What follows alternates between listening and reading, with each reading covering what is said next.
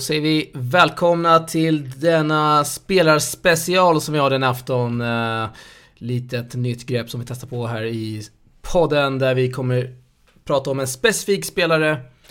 Och vem vet, det kanske helt enkelt uh, blir ett stående segment i, i Source framöver. Vi har med oss jo, eh, Patrik, Johan, Patrik Johansson heter du inte, du heter Patrik Ragan, men vi ska prata om Niklas Johansson. Först och främst Patrik, hur är läget?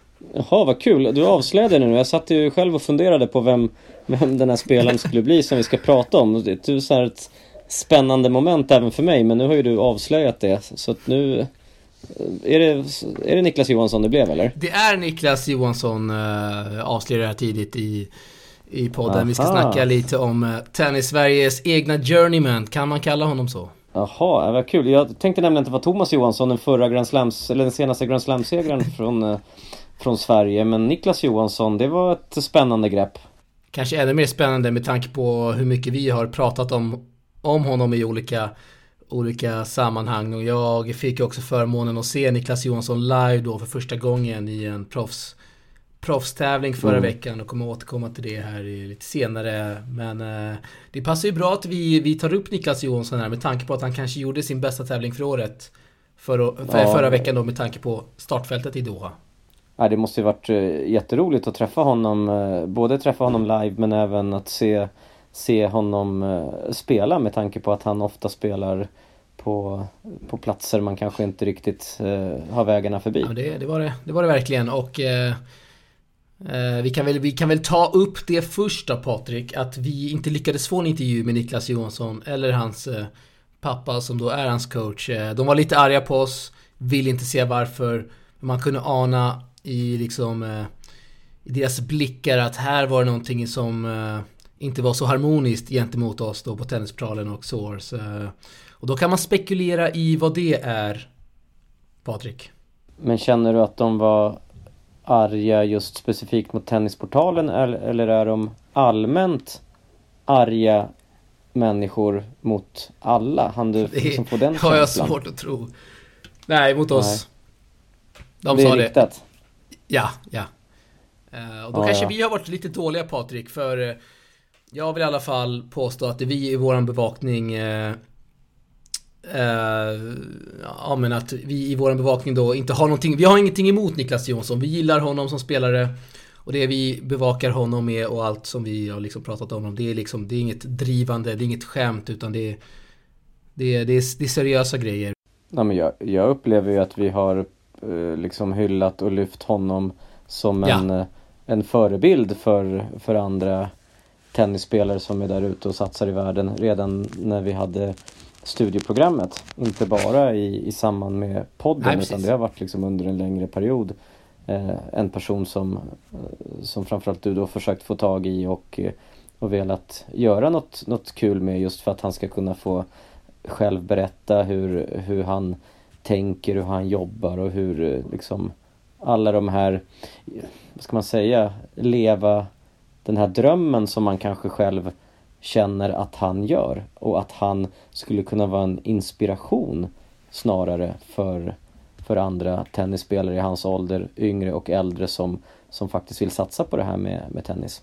Ja men absolut, och kanske var det så att vi gick lite för långt där i Stockholm Open senast när vi hade kameran bakom honom och förföljde honom nästan där. Eh. Niklas Johansson här, nu är det snabba bud. Vi testar mina 100 meters skills här. Vi kör vi, vi springer efter Niklas Johansson. Niklas! Niklas hör inte. Niklas Johansson! Niklas Johansson smet! Han vill inte vara med i vloggen idag. Största chansen är att kanske åka till Guam eller någonstans för att faktiskt hitta Niklas där. Ja, det är närmaste vi har kommit tror jag. Nästa gång så åker vi på Future dit Niklas åker. En riktig legendarisk Future-spelare. För något år kanske det är Niklas som står här på centerkorten och spelar. Det hoppas vi faktiskt.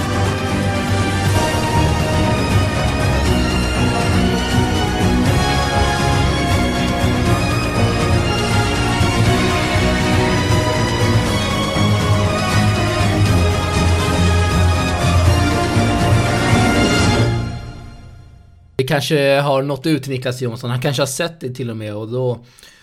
Om man tog illa vid sig så ber vi om ursäkt här Patrik. Eh, tycker jag ändå. Ja absolut. Eller? Samtidigt så, ja, jag, jag tycker inte att det var någon, eh, någon eh, säga, kontroversiell grej direkt där under Stockholm Open utan det var väl, skulle jag säga, snarare smickrande för honom att faktiskt få ha den möjligheten att vara med. Ja, men om han nu tog illa vid sig då, då beklagar vi det helt enkelt. Ja, verkligen. Uh, Niklas Johansson alltså, 21 år gammal, i skrivande stund rankad 1167 i världen, har i år spelat 19 tävlingar på touren, har 9-20 matchfacit. Innan då förra veckan i Doha, kvalet där, så hade han väl 6-7 tävlingar utan vinst. Så extra skönt för eh, Big Nick som vi gillar att kalla honom att knipa några segrar där i en, eh, i en tuff tävling. Ja, verkligen. Men nio segrar. Han har ju bara tagit, eh, vad är det, fem ATP-poäng i år så det betyder väl fem segrar va? Eller räknar du med kvalmatcher också? Jag räknar med kvalmatcher totalt. Okej, okay, ja, ja. Eh, men fem ATP-pinnar stämmer. Och nio, nio segrar på ett helt år. Eh, ja, det är inte jättemycket. Nej, det är ju verkligen inte det. Det kräver ju en hel del starkt psyke också att resa runt och, och i princip till de orterna som, eh, liksom långväga destinationerna som Niklas har valt att resa till att, att faktiskt åka väldigt långt för att sen få åka någon annanstans väldigt fort för att man inte eh, kanske har vunnit så mycket då. Vilket ja. är fantastiskt att de fortsätter och, och kämpar och, och, gör det liksom, har gjort det till sin grej. Jo men så är det verkligen och man undrar också hur länge kommer han hålla på för jag tänker att det här är inget som eh, som eh, inte är billigt. Jag menar han reser runt till olika kontinenter nästan varannan vecka och det är, det är långa flygresor och på den här nivån, det är inte så att de får hotell eh, liksom hospitality utan de får ju punga ut allt själva liksom. Uh... Mm.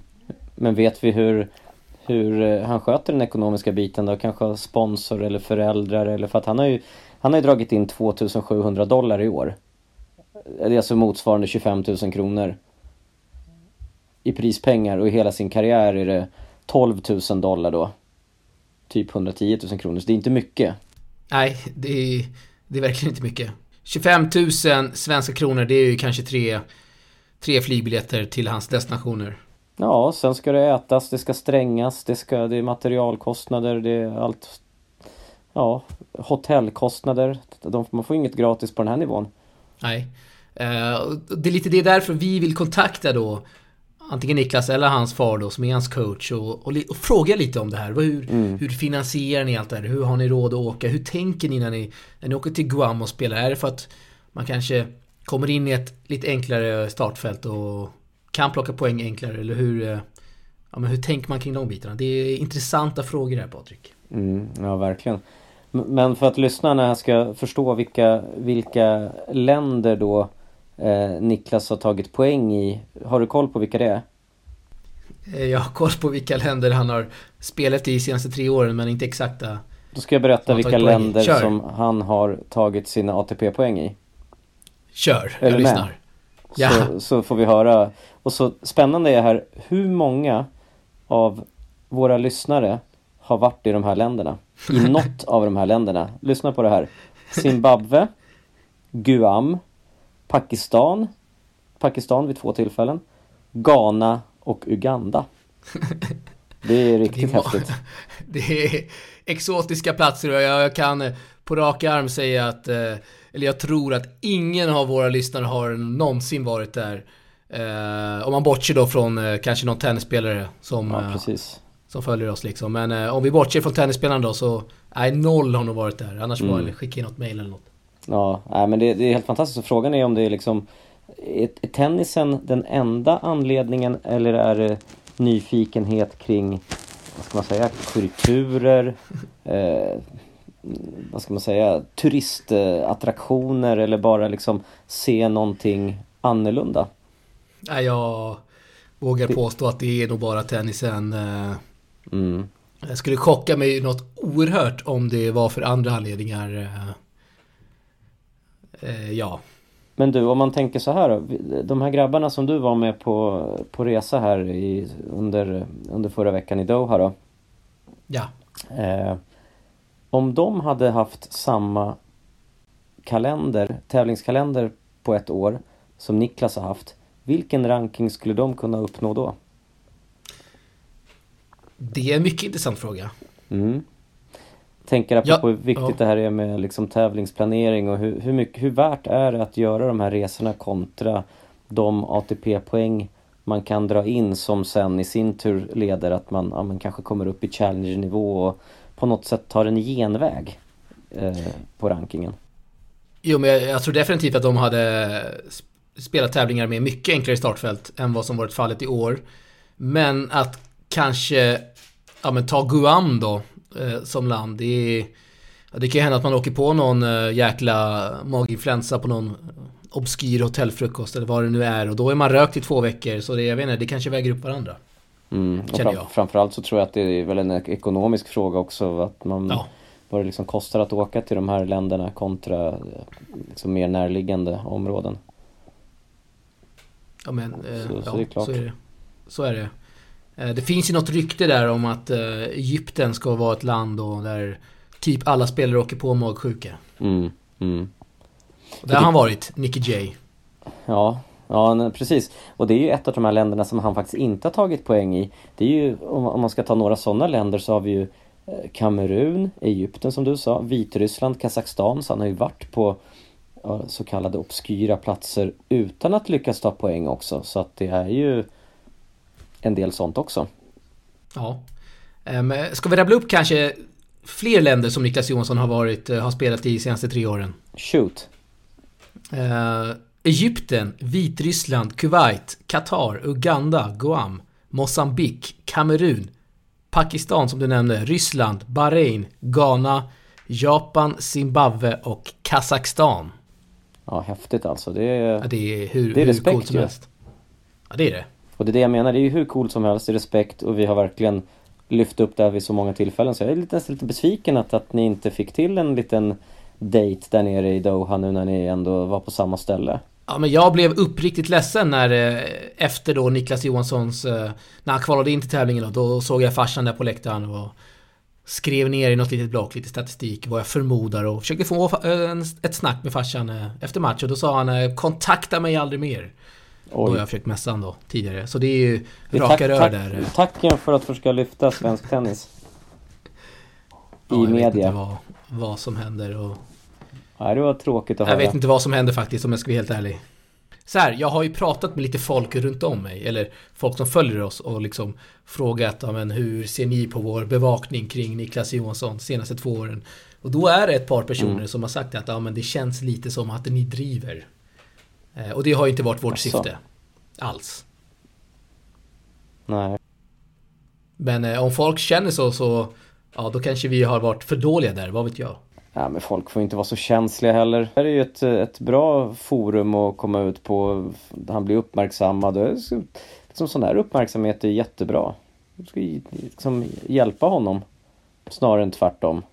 Ja, men lite, lite också för att han reser ju runt till tävlingar som ingen annan svensk gör och sen Ja men eh, Doha förra veckan, han hänger ju inte med svenskarna utan han kör sitt egna race och har så gjort i flera år. Eh, Men, men om det är så, då kanske det är hans issue mer än någon annans då. Alltså det här med att man eh, tar illa upp eller att man är arg eller någonting. Det kan ju ha att göra med den personen i fråga. ja absolut. Och dens mentalitet eller vad man nu är för sorts person snarare än att någon annan har gjort de här människorna arga. Ja, så kan det ju definitivt vara, eh, verkligen. Det är ju ja, tråkigt att slänga bort sitt liv på att vara arg då. Kan jag tycka. Ja men vi gillar ändå Niklas Johansson ska vi säga här Patrik. Vad sa du? Vi gillar Niklas Johansson, det har vi sagt väldigt ja, länge. Ja, för fan. Det gillar ju honom jättemycket. Det finns inget argt mot oss. Liksom att nu ska vi visst tvåla dit Niklas Johansson utan det är uppriktigt, genuint, vi gillar Niklas Johansson. Vi hoppas att han kan ta fler poäng i tävlingarna framöver och nästa år kommer vi följa honom med, med liksom, eh, ja. Alltså det här är ett kärleksprogram. Niklas Johansson kommer bli stalkad av Alex 2020. Det är sen gammalt. Tills han ställer upp på en intervju. Det blir att kolla in kalendern, vart spelar Niklas Johansson? Ja men det är Guam, vad Han fan. kommer sätta upp dimridåer. Du kommer hamna i Guam så är han i Helsingfors. ja,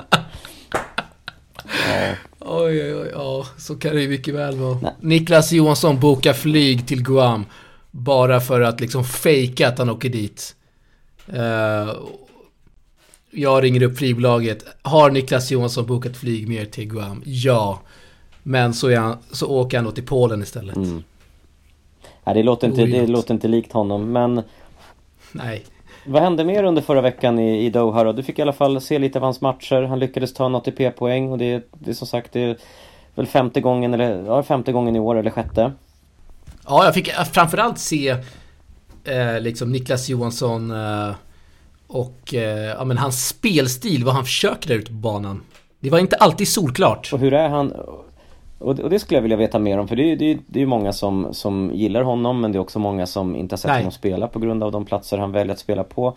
Hur är han liksom, är det känslor på banan? Vart han glad när han vann där i överensets tiebreaker den första omgången? Är det liksom han hetlevrad? Han håller sig väldigt cool Hur, väl, äh, ofta. Måste jag säga. Ja. Det, av det jag såg honom i alla fall. Eh, det var inte så här “Come on!” eller att han blev jättearg utan... Eh, han är argare utanför banan liksom, än på banan kan man säga. I din upplevelse. Ja, det ja. kan man nog konstatera. Utan hans känslo, känslonivå, det var liksom nästan samma hela tiden. Och... Ja, men sen när han kvalade in då till tävlingen där mot... Han vann ju mot, mot någon indier. Eh, då var det liksom bara knytnäven och sen ja, mm. gå av banan liksom. Eh, men hans spel då, jag kan ju tycka att med hans längd så borde han ju ha en bättre serve och lite bättre effekt på den än vad han faktiskt har. Mm, för han är vänsterhänt och uh, har enhandsbacken eller? Ja, stämmer bra. Gillar att slicea Är det slice och fram på nät som gäller eller? Slice fram, och fram på nät. Kanske lite för grindig eh, från baslinjen i perioder. Han, jag menar en spelare med, han är ju över två meter. Uh, han ska ju fram lite oftare och var, kanske vara lite aggressivare. Alltså att vara mer offensiv och, och, och, fram på nät med sin uh, backhand slice och... Mm. Han ska inte stå där bak, två meter bakom baslinjen och hålla på och grinda. Som han ibland gjorde.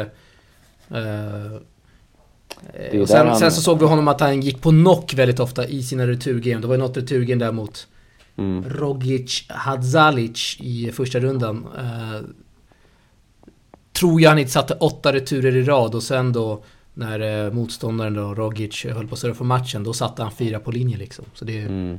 Alltså du som är, du som är tenniscoach, förutom då Tennisportalen, så hade han ju faktiskt haft möjlighet att utnyttja dig som coach under den här liksom, perioden. Få lite tips om hur han ska spela. på riktigt. Det. Det är möjligt, men det får hans farsa sköta kan jag känna. Eh, jag, ska, jag säger så här, eller jag ska ju säga då att jag mest coachar lite yngre förmågor och det är inte spelare som är då på hans nivå men eh, jag skulle gärna dela av mig med lite tips om man nu skulle vilja det men det tror jag verkligen inte. Och hur är forehanden då? Är det liksom, sätter han den, eh, jobbar han den säkert eller försöker han gå på knock eller? Nej, eh, går på knock väldigt ofta, väldigt flack mm. och eh, så han försöker avgöra egentligen bollen så fort som möjligt? Ja. Inte, inget snack om att eh, Ibland, inte alltid. Ibland så var det lite grind från baslinjen. Eh, lite för mycket grind och sen nästa game så var det, så var det eh, flacka forns liksom som Vissa hamnade i skynket och vissa satt på linjen. Så det, han, var ju, han är ju oberäknelig, eh, Niklas Johansson. Och ibland också blev han pressad på sin backhand långt bak i banan. Då skulle han döda den liksom i en enhandsbackhand, fem meter bakom baslinjen. När man kanske egentligen ska toppa den högt och liksom börja om sådär. Så, nej, oberäknelig Niklas Jonsson. Men det kanske är också jobbigt för motståndarna att man aldrig vet vad man får av den långa mm. svensken. Mm. Men om man ska jämföra honom med någon på touren bara för att få någon känsla. Det känns för mig så här, då ser jag lite Ivo Karlovic i, när, jag, när jag hör dig. Ja men bra, bra jämförelse. Mm. Förutom att Ivo är högerhänt men, men i övrigt. Absolut. Mm. Han skulle ju kunna behöva vässa serven lite för det är ju ett vapen som han skulle kunna kunna få mer utav med tanke på hans längd. Ja, den där vänsterserven och... ut och så springa fram på nät. Och ja, ja, herregud. Där. Det, är, det, det skulle han kunna eh, förbättra avsevärt. Uh, nej, Niklas Jonsson kommer vi följa slaviskt under 2020 Patrik. Ja men absolut. Uh, och uh, och man ska ju ändå, tycker jag, vara tydlig med att säga och lägga till att under, under 2019 men även innan så är det ju väldigt, väldigt många spelare som har lyfts fram. Så att när man säger så här, vi ska följa Niklas Johansson, följer ju, jag tror att Mackan har ju nämnts om en ännu mer gånger än vad Niklas har gjort och det är i samma positiva anda. Och, och Mackan är ju inte arg på något sätt utan han, hans mentalitet är att, ja men fan, fan vad roligt. Ja men han ställer ju alltid upp när vi Mer. frågar Mackan.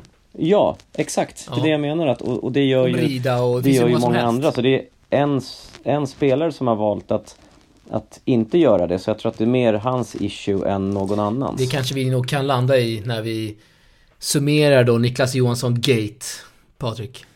Mm. Ja, ja, precis. Så är det ju. Har du något att tillägga här i eh, den första upplagan av våran spelarspecial i Source historia? Nej, egentligen inte därför att jag tycker det är svårt. Vi vet så lite om honom och vi har inte fått reda på mer och det verkar inte vara några eh, spelare eller folk runt omkring som vet så mycket heller. Eh, så att folk får väl mejla in det i så fall så kan man följa upp det på något sätt. Men jag tycker utifrån, utifrån det, det vi vet och har sett och hört så är det, eh, det är i alla fall spännande och eh, inspirerande tycker jag att se, se eh, hans eh, upplägg i sin tenniskarriär. Don't Stop Believen rullar här nu Patrik och vi tackar alla våra lyssnare som har varit med oss än en gång här i Source och eh, Ja, Niklas Johansson spelar special. Där fick ni höra 23 minuter av lite surr om Big Nick. Ska vi säga hejdå Patrik? Ja, det tycker jag vi gör. Vi, vi hörs snart igen. Det gör vi. Ha det så bra. Hej! Hej!